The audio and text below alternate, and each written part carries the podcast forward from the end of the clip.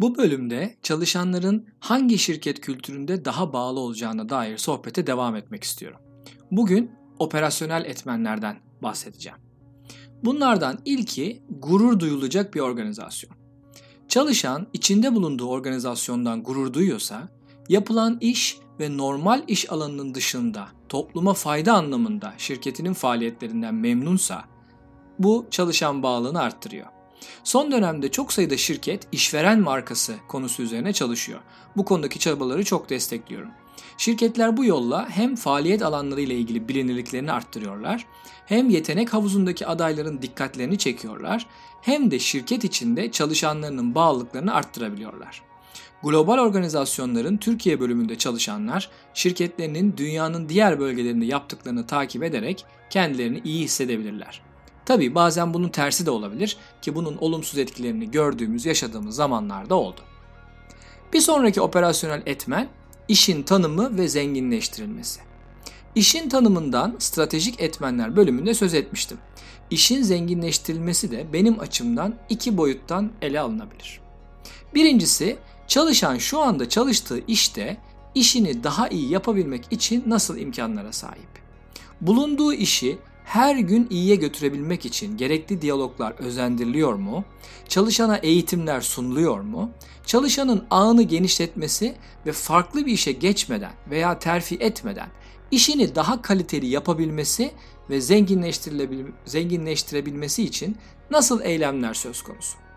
Eğer bu oluyorsa yani çalışan yaptığı işte her gün daha iyisini yapabilmek için de kendinde enerji bulabiliyorsa o çalışanın bağlı olduğunu ve yüksek performans gösterebileceğini söyleyebiliriz. İkinci boyut da çalışan ek bazı projeler alabiliyor mu? Farklı bir grubun bir projesine kat ve, katkı vermek üzere davet ediliyor mu? Kendi işinin dışında ama bağlantılı olarak önerileri ve uzmanlığı dikkate alınıyor mu? Bu tür süreli ek projelerin çok faydası olduğunu, çalışanın değerli görünme algısını geliştirdiğini ve bağlılığını arttırdığını biliyoruz. Çeşitli firmalarda bunun adı farklı olabilir ama benim çalıştığım bir şirkette bunun adı bubble assignment yani balon görevlendirmeydi. Farklı bir ekiple birlikte kendi işimizin yanında bir süre bulunma ve çalışma imkanı oluyordu. Bu da görüş alanımızı genişlemesine, ağımızı arttırmamıza ve yeni öğrenmelere yol açıyordu. Sonraki önemli operasyonel etmen ise değişim yönetimi yaklaşımında çalışan bağlılığına dikkat edilmesi.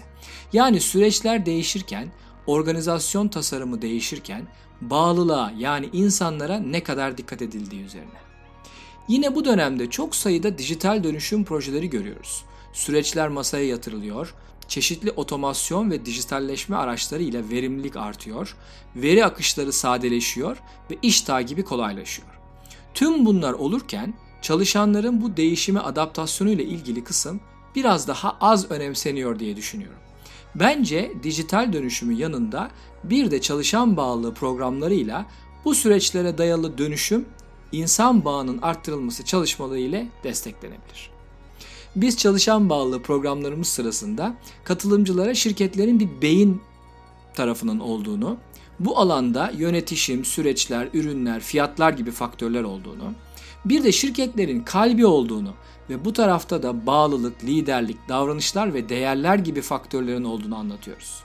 Şirketlerin iyi performans göstermesi için yani beyin tarafında verilere dayalı performans ve katma değeri artması için kalp tarafına yatırım yapmak, kalp tarafındaki iyileştirme, ilişkileri iyileştirmek gerektiğini, bunu yaptığımızda çalışanların bağlılığının arttığını ve finansal ve kültürel performansında iyileştiğini söylüyoruz. Operasyonel etmenler daha çok beyin tarafına ait gibi görünse de aslında ardında bağlılığı oluşturan temel duygulara dokunuyor diyebiliriz. Bir sonraki bölümde insan odaklı etmenleri tartışacağım. Görüşmek üzere.